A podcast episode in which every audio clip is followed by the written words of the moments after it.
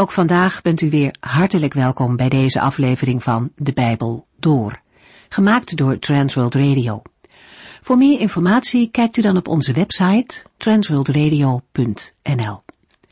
In deze serie gaat u in vijf jaar tijd met ons de Bijbel door, van Genesis 1 tot en met het laatste vers in Openbaring 22. Vandaag lezen we verder uit Prediker. In hoofdstuk 5 gaat hij opnieuw in op het thema bezit. Mensen die van geld houden en naar meer zoeken, hebben nooit genoeg, stelt Prediker. In onze tijd is dat niet anders. Het probleem zit niet zozeer in het rijk zijn, maar in de gerichtheid. Iemand kan in meerdere of mindere mate rijk zijn, maar in beide gevallen kunnen mensen gericht zijn op meer. En die hebzucht maakt nooit gelukkig. Gevende mensen zijn beter af dan degenen die alles voor zichzelf willen hebben. Prediker beschrijft ook de toenemende zorgen waar mensen mee te maken gaan krijgen als ze rijkdom najagen. En zoals hij al eerder heeft geconcludeerd, uiteindelijk kan niemand zijn rijkdom vasthouden en is het najagen van wind. Het is verstandig om onze hoop niet op bezittingen te vestigen, maar op de Heere God. Juist dan kunnen en mogen we genieten van al het goede dat Hij ons geeft. In relatie met de gever kunnen mensen zich verheugen. Dat lezen we in het Nieuwe Testament, maar ook hier in Prediker. Prediker maakt duidelijk hoe vergankelijk en vluchtig alle aardse zaken in wezen zijn. Als dat alles is om voor te leven, dan is dat maar een arm leven. Wie zijn vertrouwen op God stelt, kan genieten van Gods zegeningen. Hij is er echter niet van afhankelijk. Onze hoop ligt niet in aardse bezittingen of gezondheid, maar onze hoop is op de eeuwige God. Als prediker het advies geeft om te genieten van eten en van drinken, dan verwijst hij telkens naar de Here. Dat geeft aan dat het niet om ons eigen genot gaat, maar om genieten in het besef dat de Heere de gever is. Echt genieten kan alleen als God erbij is. We gaan verder met prediker 7 en 8 en ik hoop dat u zult genieten van de studie over deze hoofdstukken.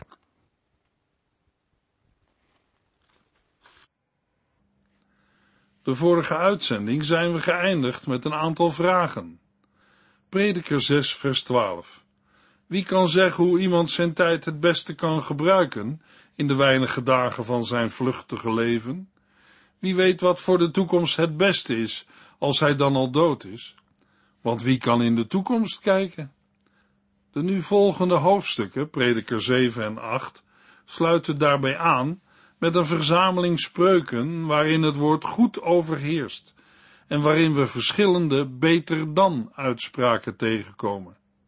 Samen met de spreukencollectie in prediker 10 vormen deze uitspraken voorbeelden van de vele spreuken die Salomo volgens de epiloog van het boek heeft gedicht en die naar vorm en inhoud overeenkomst vertonen met de uitspraken in het Bijbelboek Spreuken. Er is onder uitleggers verschil van mening over het antwoord op de vraag of de spreuken in dit tekstgedeelte los moeten worden gezien, of juist in verband met elkaar. Aangezien de vele woordherhalingen een bewuste groepering suggereren, verdient de tweede opvatting de voorkeur. De inhoud van de spreuken stelt uitleggers voor een lastige vraag. De positieve wijze waarop in de eerste verse over de dood wordt gesproken, sluit wel aan bij sommige andere uitspraken in prediker, maar staat in de wijsheidsliteratuur op gespannen voet met de overheersende nadruk op het leven. Veel uitleggers zien bovendien een gespannen verhouding met de oproep te eten, te drinken en te genieten, die we in Prediker herhaaldelijk tegenkomen. Veel hedendaagse uitleggers vatten de spreuken daarom ironisch op. Een goede reputatie mag dan wel beter zijn dan het duurste parfum of goede olie, maar als een mens bedenkt dat het leven toch eindigt met de dood, wat heb je dan aan parfum of olie? Een mens kan wel zoeken naar wijsheid, maar uiteindelijk ligt de echte en blijvende wijsheid buiten zijn bereik. Alleen de Heere kan de dingen overzien. In het licht van het voorgaande verdient het de voorkeur de spreuken in prediker 7 op te vatten als werkelijke, niet ironisch bedoelde wijsheidsspreuken. De spreuken willen richting geven in het leven. Hiervoor pleit dat het perspectief dan vergelijkbaar is met de slothoofdstukken van prediker. In de slothoofdstukken vormt de realiteit van ouderdom en dood een aansporing om in de tijd die een mens nu nog heeft, dankbaar te genieten van al het goede dat de Heer heeft gegeven. Salomo zegt dat het wijs is de realiteit van de dood voor ogen te houden. Dat is niet pessimistisch, maar realistisch en functioneert als aansporing om in het leven de juiste prioriteiten te stellen. Prediker 7 vers 1 Een goede reputatie is beter dan de duurste parfum. De dag waarop iemand sterft is beter dan de dag van zijn geboorte.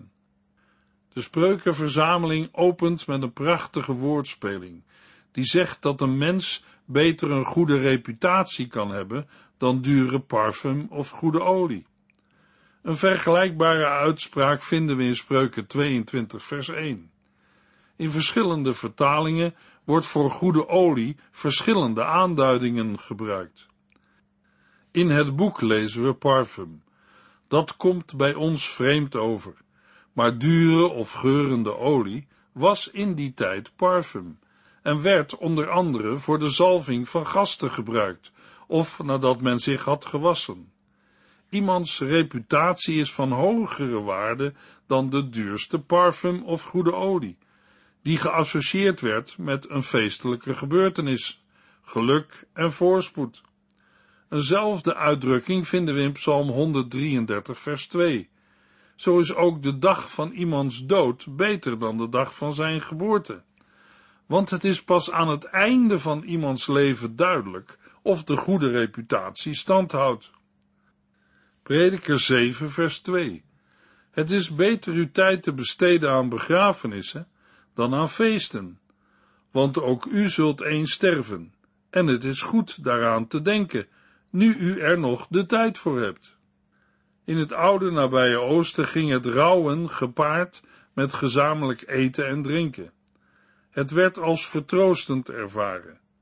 Dit kon in elk geval in later tijd zulke vormen aannemen dat rabbies er aanleiding in zagen te waarschuwen tegen overmatig wijn drinken bij het rouwen.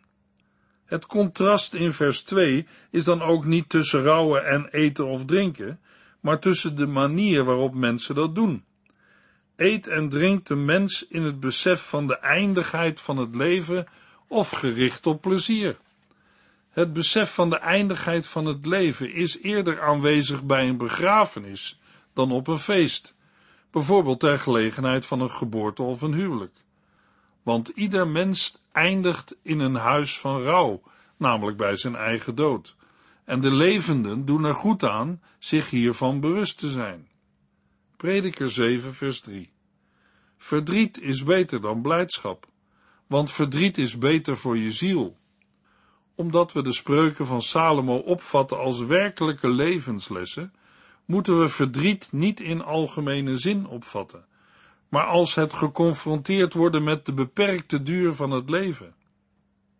Deze gedachte wordt bevestigd doordat vers 4 met de woorden een wijs mens denkt vaak aan de dood, teruggrijpt op vers 2. Het maakt de spreuken van vers 2 tot en met 4 tot één geheel. Iemand die leeft in het in prediker 7 vers 3 verwoorde besef, ook al brengt dat kwelling en verdriet met zich mee, is beter af dan iemand die lachend door het leven gaat. Vaak gaat uiterlijk verdriet gepaard met een innerlijke loutering en van een beleven van het dichtbij de Here zijn. In Prediker 2, vers 1 en 2 kwam al eerder naar voren dat vreugde of blijdschap niet altijd een zegen is, maar ook een teken van dwaasheid kan zijn. In Prediker 1, vers 18 moet Salomo al zeggen, want hoe wijzer ik werd, des te bezorgder werd ik. Hoe meer iemand weet, des te meer verdriet hij heeft. Wijsheid kan soms met verdriet gepaard gaan. Prediker 7, vers 4. Een wijs mens denkt vaak aan de dood, terwijl een dwaas zich alleen maar zorgen maakt over de vraag hoe hij dit moment het prettigste kan doorbrengen. Een dwaas ontwijkt de sfeer van verdriet. Hij maakt zich alleen maar zorgen over de vraag hoe hij zoveel mogelijk kan genieten. Een wijs mens leeft en denkt in de realiteit en de werkelijkheid van het leven. Daar hoort de dood ook bij.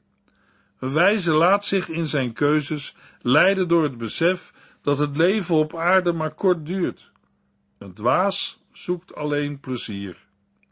Prediker 7, vers 5 en 6. Het is beter kritiek te krijgen van een wijsman dan lof te ontvangen van een dwaas. Want het compliment van een dwaas is net zo snel verdwenen als een stuk papier in het vuur. En het is dom daarvan onder de indruk te raken. Opnieuw wordt in deze versen het ogenschijnlijk minder aangename aanbevolen boven dat waaraan een mens op het eerste gezicht de voorkeur geeft. Maar het is beter te luisteren naar de bestraffing van een wijze, hoe pijnlijk die ook kan zijn, dan naar een compliment van een dwaas. Een compliment van een dwaas is net zo snel verdwenen als een stuk papier in het vuur. In de Hebreeuwse tekst van vers 6 vinden we in plaats van papier dat in vuur verbrandt, het voorbeeld van distels of dorens die knetteren onder een kookpot. Het verbranden van distels of dorens in het vuur maakt veel herrie, geeft weinig warmte en is snel voorbij. Zo is ook het compliment van een dwaas net zo snel verdwenen. Prediker 7, vers 7 tot en met 9. De wijze man wordt een dwaas als hij zich laat omkopen. Het ondermijnt zijn inzicht. Iets afmaken is beter dan met iets beginnen. Geduld is beter dan trots. Erger je niet, want ergernis is iets voor dwazen. Het luisteren naar de vermaning van een wijs man is een goed uitgangspunt, maar tegelijkertijd vluchtig. Het gaat niet altijd op. De altijd aanwezige sluimerende begeerte naar meer kan een wijze in een bepaalde situatie overrompelen en hem tot een dwaas maken. Hij kan zich tot omkoping laten verleiden. Ook elders in de Bijbel wordt gewaarschuwd tegen het aannemen van steekpenningen. Zelfs wijzen zijn voor die verleiding kennelijk niet immuun. In Prediker 7 vers 8 komt aan de orde dat de waarde van een zaak of handeling pas na afloop duidelijk wordt. Daarom is het beter om iets waarmee je begint ook af te maken. Daarna volgt geduld is beter dan trots. Geduldig en bezonnen afwachten toont meer verstand dan haastig genomen besluiten of handelingen. Hoogmoed komt vaak voor de val en getuigt niet van wijsheid. De concluderende spreuken van de versen 8 en 9 kunnen we het beste lezen tegen de achtergrond van de eerdere spreuken over de confrontatie met de dood en de vermaningen van een wijze. Wat deze pijnlijke confrontaties uitwerken, is beter dan de beginsituatie. Daarom moet een mens geduldig zijn en niet op hoogmoedige wijze denken dat hij of zij die confrontatie niet nodig heeft. Een mens doet er goed aan zichzelf te beheersen en niet in boosheid of ergernis tegen verdriet of moeite tekeer te gaan, want dat hoort bij het domein van de dwazen. Verdriet kwam ook al te sprake in vers 3 en werkte daar wijsheid uit. In vers 9 zien we dat het tegendeel ook het geval kan zijn. Het is afhankelijk van de houding die een mens aanneemt. Prediker 7 vers 10 Vraag niet waarom het vroeger beter was dan nu. Zo'n vraag getuigt niet van wijsheid. Omdat het einde van een zaak beter is dan het begin, is het ook zinloos terug te kijken op het verleden als die goede oude tijd en je af te vragen waarom het toen beter was, zoals sommigen van Salomo's hoorders kennelijk deden. Zo'n vraag getuigt niet van wijsheid. Het ligt voor de hand om bij vroeger aan een tijd te denken waarin er geen moeite en verdriet was. Salomo concludeert dat het niet wijs is om dat te doen, juist omdat de confrontatie met moeiten en verdriet wijsheid uitwerkt. Bovendien heeft de Heere de tijden vastgesteld, zowel de goede als de kwade dagen. En het past een wijs mens niet Gods besluiten in twijfel te trekken. Prediker 7 vers 11 tot en met 14 Wijsheid en bezit zijn goede zaken in het leven. Zowel met wijsheid als met geld kunt u veel bereiken. Maar wijsheid stelt u in staat in leven te blijven. Kijk eens hoe God te werk gaat en probeer niet zijn werk te veranderen.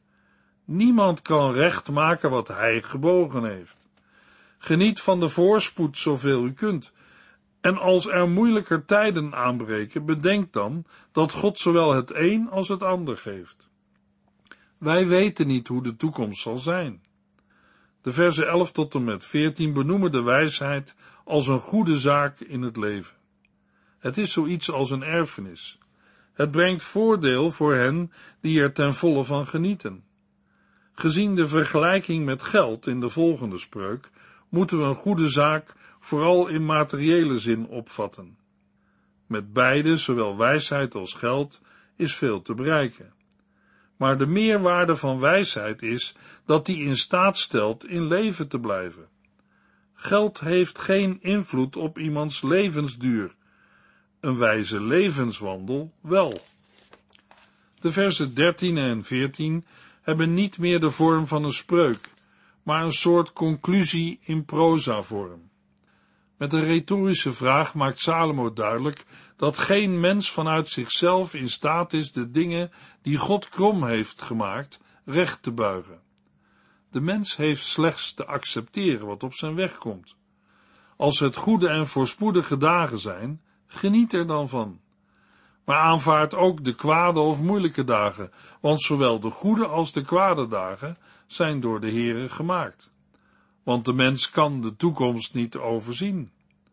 Zoals Salomo eerder in prediker sprak over het belang van tevreden zijn met wat de mens heeft, zo spreekt dit gedeelte over wat goed is voor een mens. Over het belang te accepteren wat op de levensweg komt. Dat kunnen goede dagen zijn, maar vaak ook de dood, of confronterende levenslessen van wijze mensen. In de brief aan de Filippenzen gaat de apostel Paulus nog een stap verder. Hoewel hij op het moment van schrijven gevangen zat en er rekening mee hield dat hij ter dood gebracht zou worden, en bijna nog met de dood van een van zijn medewerkers werd geconfronteerd, is er geen brief waarin hij zijn hoorders zo sterk oproept niet alleen standvastig te zijn in de Here, maar zich ook te alle tijden, ongeacht de omstandigheden, in hem te verblijden. Zo'n levenshouding is alleen mogelijk dankzij Christus, die daartoe de kracht geeft. In Prediker 7, vers 15 tot en met 22 maakt Salomo duidelijk dat echte wijsheid voor een mens onbereikbaar is. Het vorige gedeelte eindigde met de oproep te zien wat God doet. In vers 15 geeft Salomo aan dat hij inderdaad ziet en vanuit wat hij waarneemt geeft hij advies. Tegelijkertijd geeft hij met in dit zinloze leven direct aan hoe beperkt zijn waarnemingen feitelijk zijn. Wat Salomo waarneemt, is een rechtvaardige die omkomt ondanks zijn wijsheid, en een goddeloze die lang leeft ondanks zijn slechtheid. Die waarneming staat haaks op het uitgangspunt in onderwijzende wijsheidsteksten, namelijk dat wijzen lang leven, terwijl dwazen of goddelozen omkomen. Op zichzelf ontkent Salomo dit uitgangspunt niet. Maar zijn observatie maakt duidelijk dat dit principe in de realiteit van het leven niet altijd opgaat. Niet voor niets heeft Salomo hiervoor gesproken over dingen die God krom heeft gemaakt en over kwade dagen.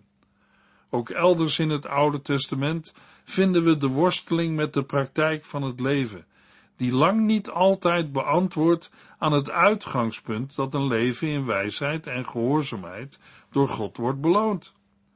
Deze vaststelling leidt tot een tweeledig advies. Wees enerzijds niet al te rechtvaardig en al te wijs, want waarom zou u zichzelf vernietigen? Wees anderzijds niet al te slecht of goddeloos en niet al te dwaas, want waarom zou u voor uw tijd sterven? Deze laatste retorische vraag maakt duidelijk dat hoewel er goddelozen zijn die lang leven, dit kennelijk de uitzondering is en niet de regel. Ten slotte wordt de gedachte uit de voorgaande versen nog samengevat. Voor wie ontzag voor God heeft, is het beste de middenweg te kiezen tussen verstandig en dwaas zijn. De spreuken in Prediker 7, vers 19 tot en met 22 maken duidelijk dat er geen mens is die voor 100% en altijd wijs is. Zelfs rechtvaardigen ontkomen niet aan de realiteit van de zonde. Deze algemene vaststelling wordt gevolgd door een vrij willekeurige illustratie van de algemeenheid van de zonde. De boodschap hiervan is dat een mens niet gericht moet zijn op de onvolmaaktheid van de ander, maar dat hij in het bewustzijn van zijn eigen onvolmaaktheid geduld moet hebben met de ander.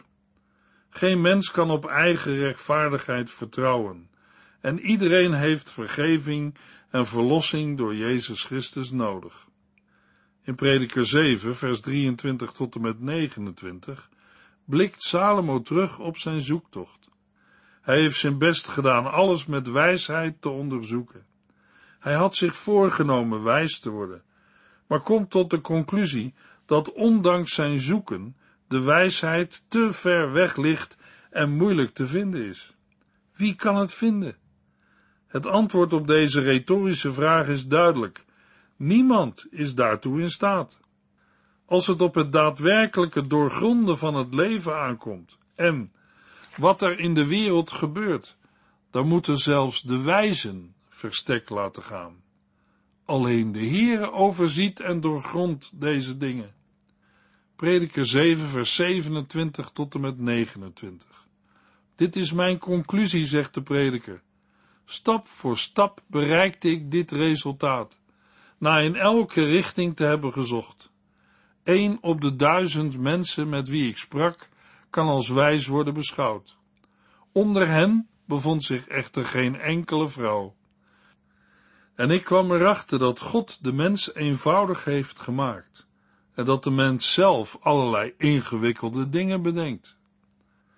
Bij deze woorden heeft vers 28 niets te maken met een visie op mannen of vrouwen in het algemeen, maar staan de woorden in het licht van de zoektocht naar wijsheid. Salomo hoopte vrouwenwijsheid te vinden, maar hij heeft haar niet gevonden. De mensheid heeft met allerlei bedenkingen bedorven wat de Heere aanvankelijk goed heeft gemaakt. Inhoudelijk sluit dit aan bij de beginhoofdstukken van Genesis, waar de schepping goed wordt genoemd en de zonde in de wereld te wijten is aan de ongehoorzaamheid van de mens. In Prediker 8 gaat het over gehoorzaamheid van Gods geboden. De wijsheid van een mens wordt weerspiegeld door de glans op zijn gezicht. In het vervolg vinden we een aantal spreuken over de koning. De wijze heeft inzicht in de omstandigheden en zal zich daarna gedragen. Dan volgen er vanaf vers 6 drie voorbeelden van de machteloosheid van de mens onder bepaalde moeilijke omstandigheden. In vers 9 geeft Salomo aan dat praktische wijsheid nuttig is, vooral in een tijd waarin een machthebber zijn macht uitoefent ten koste van rechtvaardige mensen. In Prediker 8, vers 10 tot en met 17 laat Salomo zien dat de mens het bestuur van de Heere niet kan doorgronden. De verborgenheid van Gods oordeel of gericht is aanleiding voor een mens om zijn eigen boze begeerte te volgen. Prediker 8, vers 11. Omdat God zondaars niet onmiddellijk straft, denken veel mensen dat zij rustig kwaad kunnen doen. Toch zal het de mensen die in God geloven en naar zijn woorden luisteren en handelen, goed gaan en de goddelozen niet. Salomo zegt, ik weet heel goed dat zij die God vrezen beter af zijn. Luisteraar, de Heere geeft u vandaag de gelegenheid om tot hem te komen. In 2 Korintiërs 6 vers 1 en 2 schrijft Paulus, als Gods medewerkers dringen wij erop aan dat u de genade die God u gegeven heeft niet naast u zult neerleggen. Want God zegt, op het goede moment verhoorde ik uw gebed. Op de dag van redding kwam ik u te hulp. Dat goede moment is nu aangebroken en het is nu ook die dag van redding. In Prediker 8, vers 14 en 15 komt Salomo tot de conclusie dat er iets vreemds gebeurt op aarde, iets dat u, jij en ik ook kunnen waarnemen. Er schijnt niet veel verschil te zijn tussen de goddelozen en de oprechten. Sommige rechtvaardige mensen worden behandeld alsof zij zondaars zijn, en sommige zondaars alsof zij rechtvaardig zijn. Daarom lijkt het mij beter dat de mens geniet van zijn leven, want niets is beter dan dat de mens geniet van eten en drinken. De vreugde is het enige dat de mens heeft, bij al het harde werken tijdens het leven dat God hem geeft. In Prediker 8 vers 17 moet Salomo constateren, ik zag in dat geen mens Gods werk hier op aarde kan begrijpen.